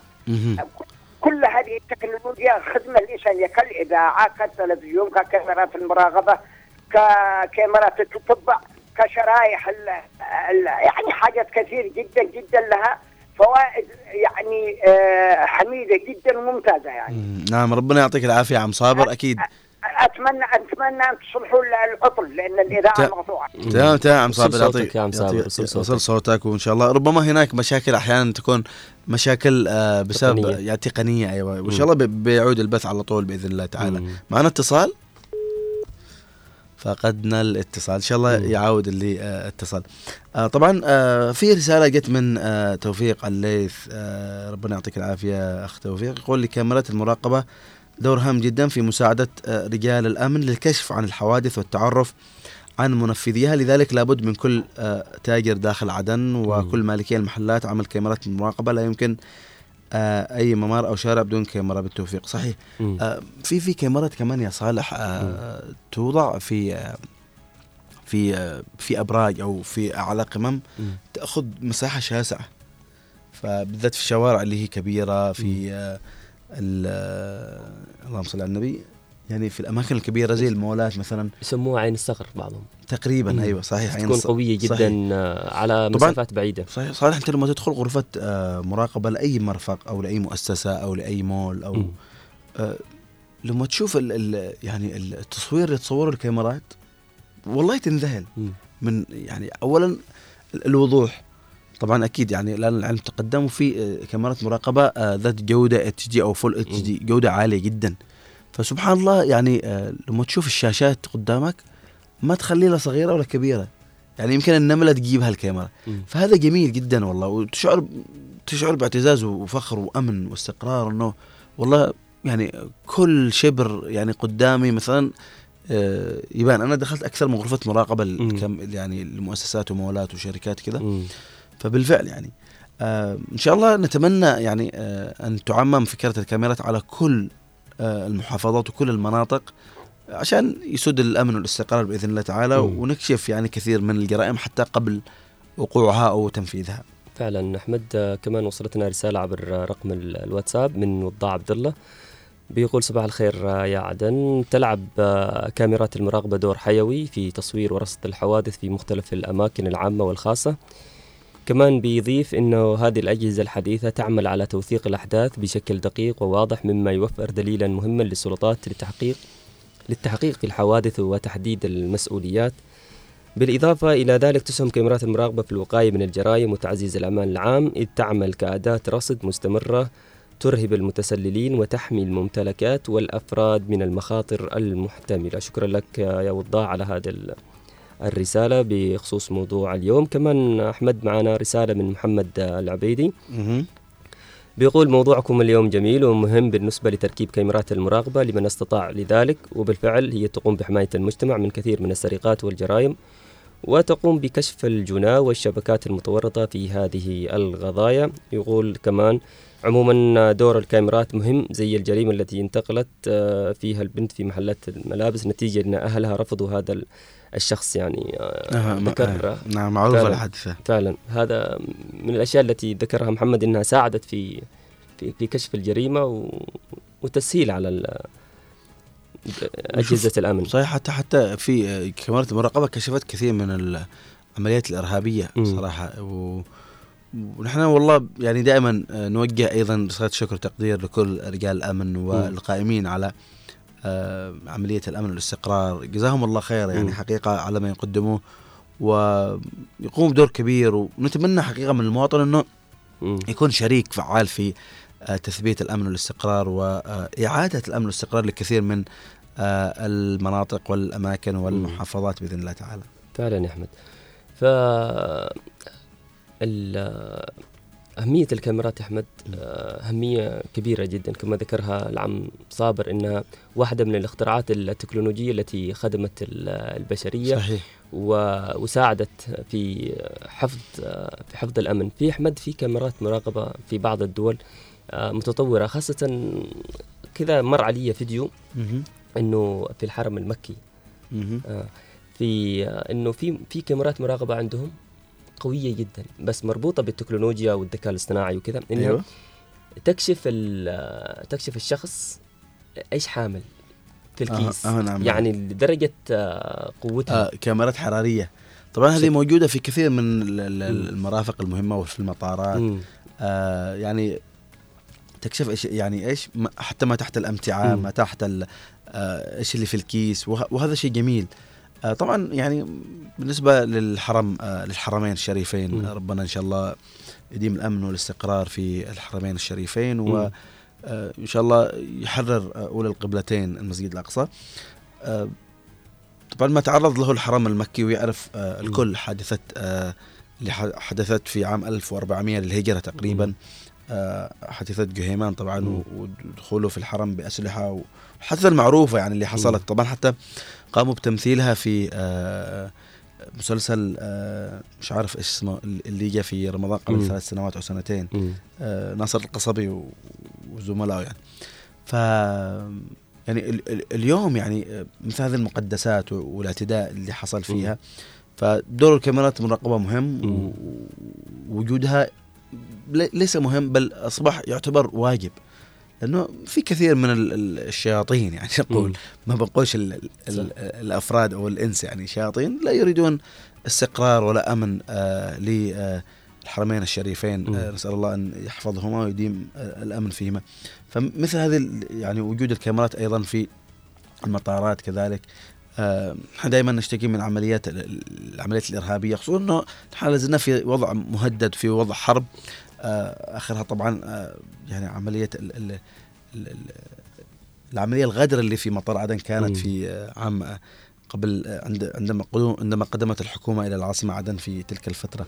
فمثل هذه العمليات آه، أيضا تحتاج إلى آه، أجهزة آه، يعني آه، آه، نحن نسميه باتريوت أو شيء. آه، ليش؟ آه، لأنه كانت في عمليات إرهابية في تلك الفترة فعموما وجود كاميرات المراقبة آه، مهم جدا آه، يعني صالح يعني يعني والله ما ما أحارب ال يعني ال المنظرين لكن أنا أقول إنه نحن لازم اليوم آه، نبطل تنظير. مم. نخلي رجال الأمن يشتغلوا ال- اللي بي أي واحد بيركب كاميرا يركب اللي عنده فلوس يركب. يعني بالنهاية أنا أنا أنا مستفيد. يعني لما جاري بيركب كاميرا أو حتى أنا بركب كاميرا بنفع غيري. والله أنا إني أتبنى أركب في بيتي كاميرا لكن آه إن شاء الله بعد فترة بإذن الله بركب كاميرات في بيتي إن شاء الله. أحمد آه، بندخل إلى تاريخ ال- شوية إلى تاريخ الكاميرات المراقبة. جميل. أنا عجبتنا قصه الإبريق. صراحة فتم اختراع أول كاميرا مراقبة تعمل برقاقة صغيرة هي نفس الرقاقة المستخدمة اليوم وذلك في عام 1973 طبعا قامت أمريكا وبريطانيا بداية أول تصنيع فعلي لكاميرات المراقبة. الهدف منه هو بيع المستهلكين لحماية ممتلكاتهم من السرقة. وذلك في عام 1980 قام. علماء شركة آه، كوداك باختراع كاميرا مراقبة لكنها تعمل بحساس الميجا بيكسل ولها القدرة على تسجيل 1.4.1 ميجا بكسل وذلك في عام 86 لكن أول كاميرا مراقبة تعمل عبر الإنترنت كانت في أمريكا والتي تسمى بكاميرا الشبكات الشبكات والمراقبة عن بعد. أي آي بي اسمها. وكان ذلك في عام 1996 يعني. تم ربطها في بالإنترنت. جميل. فبدايتها كانت آه، ك ك 73 رقاقة آه طبعا آه اليوم قلت لك أنا أول أنه اليوم اتطورت. مم. أصبحت صغيرة ما تبان بالعين. حتى لو تلاحظ قبل فترات كانوا يحذروا من يعني من غرف تبديل الملابس إنه في كاميرات صغيرة تكون مش عارف إيش. فجميل يعني إنه العلم تقدم اليوم. ونحتاج العلم هذا لخدمة البشرية وليس للإضرار بالبشرية. اليوم ك يعني أكيد يعني بالنهاية آه زي ما الخير موجود الشر موجود. فيحاول إنه. آه يزرع آه شر يحاول إنه يفرض آه أجندات آه شر وخبث مم. سواء آه، يتر- يتربصون بالأوطان يتربصون بأشياء آه أخرى. فنحتاج اليوم حقيقة إلى أهمية دور آه كاميرات المراقبة.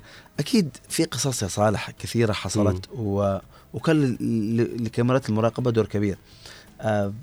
مؤخرا آه قبل فترة سمعنا مثلا عن آه شخص رمى قنبلة آه،. وهذه حادثة معروفة في المنصورة آه شخص رمى قنبلة عبر آه دراجة نارية آه عرفوا الشخص وعرفوا السيكل من قبل كاميرات المراقبة المحيطة بالموقع صح فمثل يعني هذه الحادثة كانت كان الفضل يعني بعد. الله عز وجل لكاميرات المراقبة فعلا كمان آه، الوعي اللي عند المواطن ودوره في حفظ أمن والاستقرار.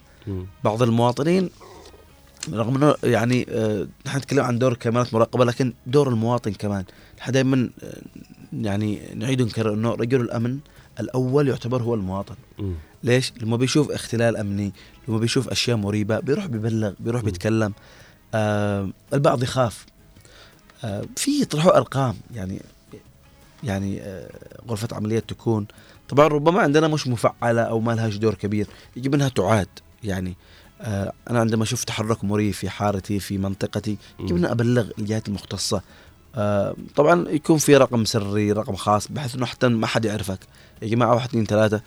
يعني هنا أنت تساهم في تعزيز الأمن والاستقرار. مش بس يعني كاميرات المراقبة أكيد لها دور كبير بس برضه ما فيش فايدة إذا آه، ك- في كاميرات مراقبة وما فيش وعي عند المواطن ما فيش آه، يعني آه، ممكن نقول آه، استجابة أو مبادرة من المواطن إنه هو يكون كمان رديف لكاميرات المراقبة. هو يكون أيضا يعني بعيون الثنتين كاميرات مراقبة. فعلا. أحمد وجود الكاميرات المراقبة في في في بعض ال- القصص التي حصلت. والجرائم التي حصلت أو الناس اللي خارجه عن القانون والنظام وعن مبدأ والاخلاق أعتقد إنه أخذوا رجع حق الناس. شفت؟ يعني أخذ أخذوا حق الناس مثلا بيش الناس التي ظلمت ولا تعرضت للظلم أو تعرضت للجريمة أو تعرضت للإنتهاك. رجع لها حقها بسبب كاميرا مراقبة بسيطة موجودة في ركن من الأركان. فهذا الشيء أعتقد أنه كمان بي زي ما يقولوا بي بيزيد وبيعزز ثقافة ال- عفوا أهمية ال- الكاميرا المراقبة مهم. كمان أحمد أنه مش على الجانب ال- الجرائم بس نحن بنتكلم إنه في كثير من الشركات والمؤسسات بتعمل كاميرات مراقبة في في مؤسساتها. في في في المكاتب في أما في أماكن ال- العمل هذا الشيء إيش بيعزز إنه المدير أو الإدارة بتلاحظ على إنه من اللي هو شغال معنا من. اللي هو مثلا صحيح. متقاعس آه، إيش اللي بيحصل؟ فهذا كمان بتزيد من من إنتاجية العمل. صحيح. أو مثلا آه بعض الأعذار اللي يعني تجي. إنه لا أنا مش عارف إيش آه بالنهاية هي ساعات إنجاز. لكن زي ما قلت يعني آه أنا بعرف الموظف ال- ال- ال- المتحرك من الخامل. من اللي يشتغل من اللي ما يشتغلش. وأكيد يعني هذه برضو تصفي مصلحة إيجابية يعني. فعلا أحمد كمان ذكرت حاجة الآن المستشفيات. مهم. أعتقد إنه كاميرات المراقبة مهمة جدا في المستشفيات. لمراقبة سير عمل الممرضين والدكاترة وكمان حوادث السرقات التي سمعنا عنها كثير للأطفال صحيح. تحصل. صحيح. فهذا الشيء بيع... كمان بيساعد. غرفة العمليات كمان. غرفة العمليات والمستشفى بشكل عام يا أحمد. آه، تدخل معك ثنتين كلا تخرج معك كلا واحد مم،. لا لا بالفعل عملية سرقة الأطفال انتشرت بكثرة جدا. تخيل انه واحدة يعني مسكينة تدخل توضع آه، ابنها أو بنتها. طبعا وفجأة آه، ما تحصلوا مم. طبعا انتشرت مؤخرا تجارة بيع الأطفال يعني وتجارة الأطفال. نقطه مهمة صالح أحييك إنك ذكرتها. والله لأنه بالفعل يعني مؤخرا كنا نسمع عن كثير من حوادث اختطاف الأطفال اختفاء أطفال من المستشفيات مش عارف إيه أو تبديل الاطفال فهي أمانة يعني. فعلا. تربي ابن هو ابنك طول السنين هذا وبعدين تكتشف إنه مش ابنك وعملية تبادل و يعني هذه الأمور صراحة مؤلمة جدا يعني. أيضاً- تسبب صدمة صحيح. أيضا أيضا صالح يعني تركيب ال- الكاميرات كمان في المدارس. مم. يعني ربما آه، المدارس كمان آه، م- أماكن مهمة جدا. مم. تنساش إنها أماكن فكر وتعليم مم. الأجيال. ف آه، في مؤخرا سمعنا عن كثير من الحوادث في بعض المدارس. آه، انتشار بعض ال- ال- الأشياء السلبية. ربما هناك بعض ال ال الأشرار مم. اللي يعني انتشار المخدرات بين أوساط آه، الطلاب وبين أوساط الجيل. يعني صراحة اللي يح- يحاولوا يدمروا جيلنا بأي طريقة. فوجود كاميرات في الفصول في الساحات آه، عند البوابات نعرف الداخل والخارج. نعرف من هذا الشخص إيش معه هنا كل يوم يجي إيش. معه يلتقي مثلا بطلابنا. آه، الباعة نفسهم اللي عند ال يعني صراحة لأنه. ال- ال- الوضع أصبح مخيف. فوجود كاميرات المراقبة بتعرفنا أيضا آه، إيش يبيعوا هذول يعني إيش من آه، من مادة يوزع على الطلاب إيش. إيش اللي يبيعوا إيش اللي يقدموا مم. التحركات المريبة ربما هناك في بعض المدارس كمان آه، يعني كمان يعني التسرب أو نحن نقول التعطيف. مم. يعني فترة من فترات يعني ولا زال يعني مم. من فوق السور أو مم. من عند البوابة أو جيب ولي الأمر شوف ابنك آه ابني ما يهربش مش عارف. لا موجوده الكاميرا. موثق. أعتقد أحمد إنه عفوا إنه الكاميرا لها فوائد كثيرة ومنافع كثيرة لا حصر لها. واما حاجة إنها تحد من السرقة وتكافح الجرائم. كمان يا أحمد آه، هذا كجانب إيجابي. لكن البعض زي ما قلت انت قبل شوي انه يستخدمها في جانب آه، شري أو جانب سلبي. مهم. فنقول له عيب. وهذا مش أخلاق إنك أحيانا حرام، تستخدم بل حرام. فعلا وإذا كان ضميرك ميت وأنت بلا أخلاق ولا ذره آه، كرامة صحيح. أعتقد إنك آه، ما بترضاش على الناس إنك تستخدم الكاميرات المراقبة لأشياء مخلة بال بال بالأدب والذوق بالذوق العام. لأنه قلت لك أنا أنت ذكرت نقطة مهمة وأنا ذكرتها بالفعل. إنه فترة من الفترات انتشرت تحذيرات إنه آه في قاعه العراس مم. آه في غرفة تبديل الملابس في بعض. المحلات يعني بالنهاية يجب أيضا نحن نعطي جرعة وعي آه لكل يعني. آه أهلنا زوجاتنا أمهاتنا أخواتنا اللي آه كلنا حريصين. عليهم ربنا يحفظنا جميعا مم. إنه احذرنا يعني خلاص لأنه صدق يعني في شياطين من الإنس يعني تستخدم آه التقنية بخبث مم.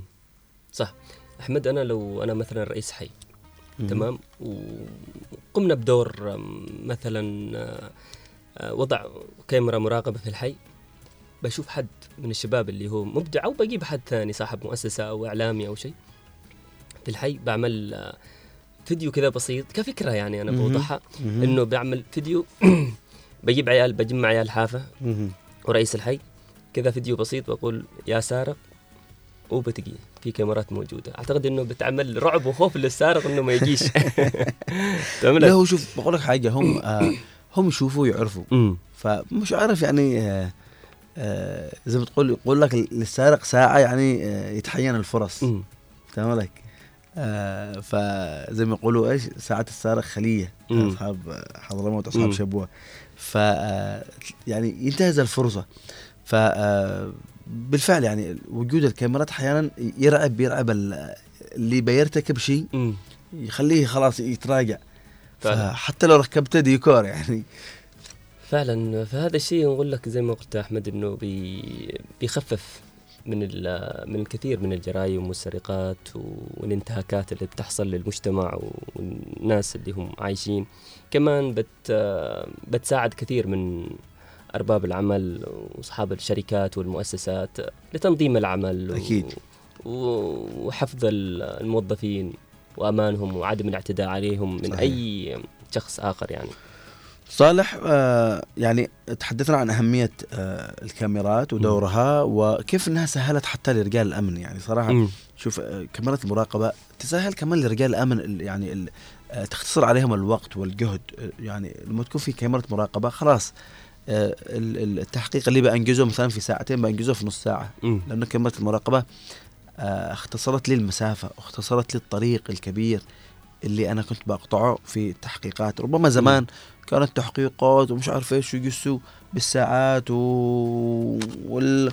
والبحث الجنائي يجي بيبصم. ومش عارف إيش وبياخذ ال- البصمات اليوم آه، يعني كاميرا المراقبة بتكشف لك جرائم في لحظات مم.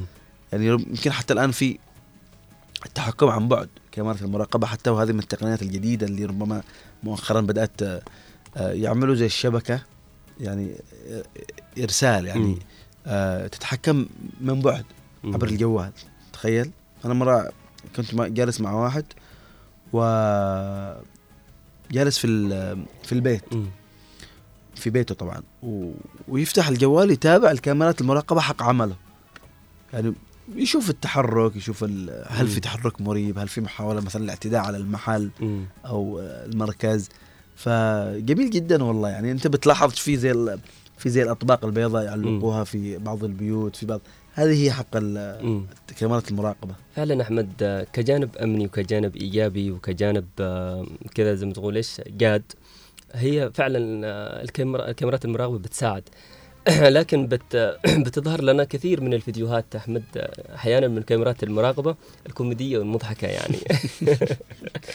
كمان آه، اللي يضغط جرس واللي يرقص واللي صحيح صحيح. اللي يسقط واللي يعني أصبحت كمان آه، لها دور آخر مش إلا جانب حفظ الأمن صحيح. حتى كجانب عفوي وكوميدي يعني. تذكر هذيك القصة اللي آه، يدق الجرس وبعدين يطرحوا له كاميرا المراقبة يكشفوه مم. يعني يا كم مرينا بهذه التجارب مم. الجميلة فعلا حتى حتى مثل ما قلت الجانب العفوي يعني إنه تص... هذه حياتي يعني مم. فنحن اليوم حقيقة نحتاج إلى كاميرات المراقبة مم. آه، ونحتاج وجودها والله في كل مرفق في بيوتنا في حتى مم. المساجد يا صالح والله نقطة مهمة مساجد يجب إنها تركب كاميرات المراقبة مم. ما أمناش في مساجدنا على الكاك حق المي القصبة ما أمناش يعني آه، الله يعني يعلي قدرك والسامعين والمتابعين. الحذاء.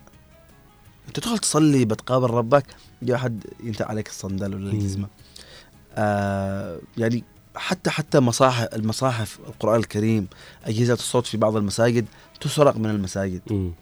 ليش؟ استغرب يعني حتى بيت الله لم يسلم.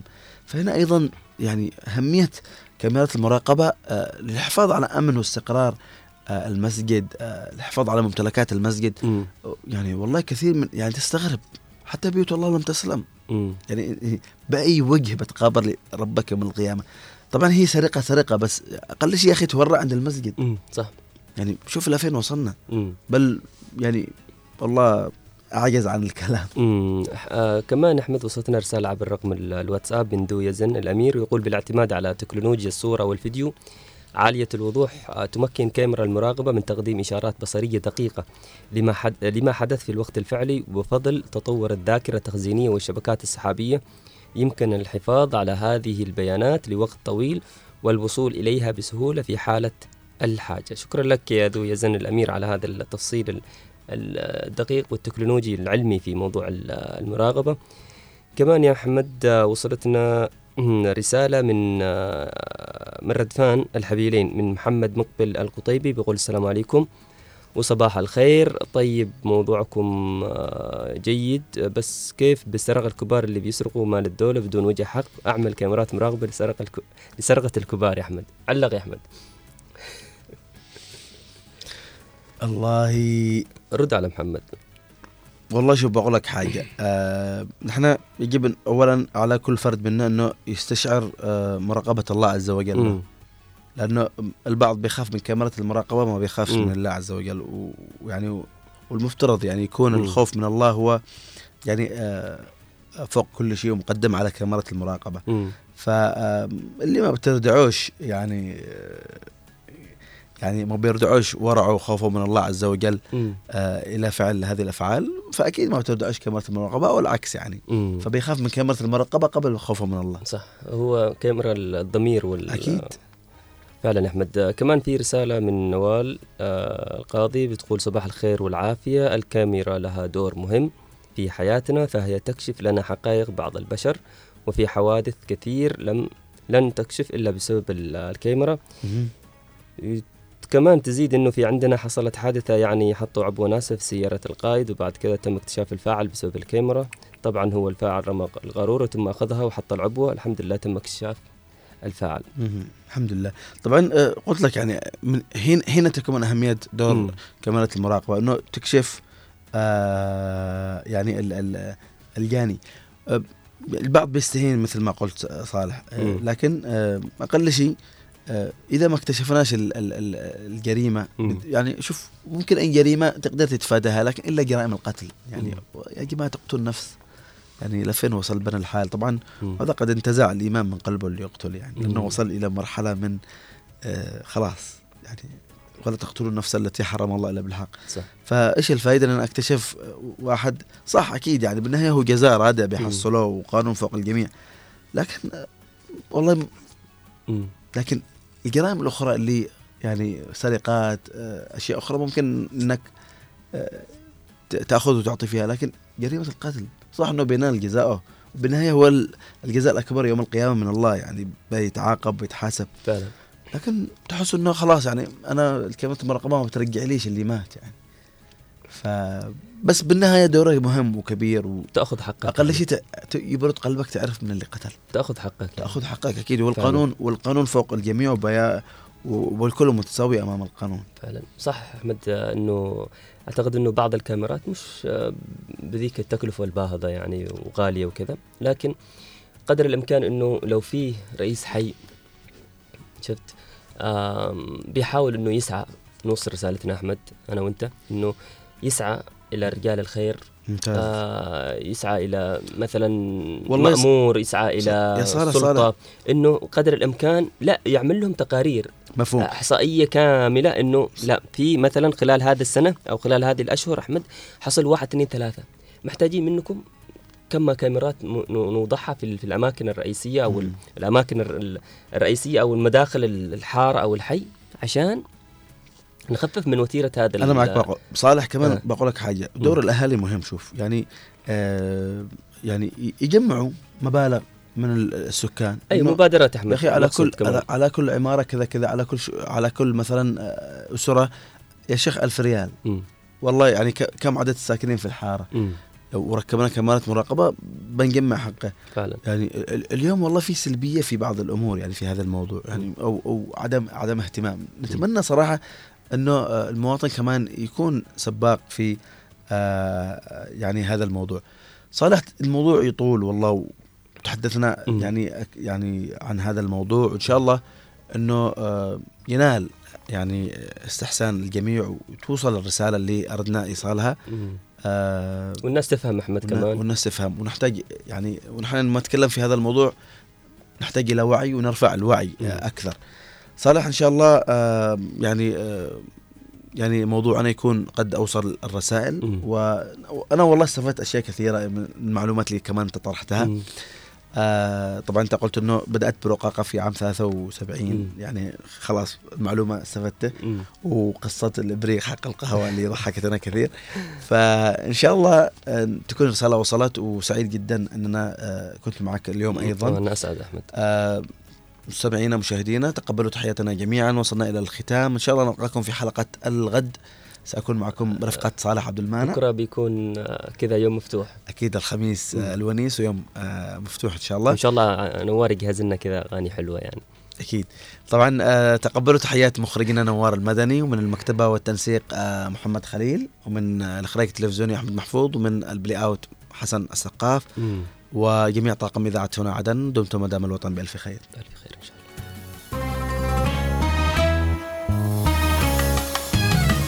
يا حبيبي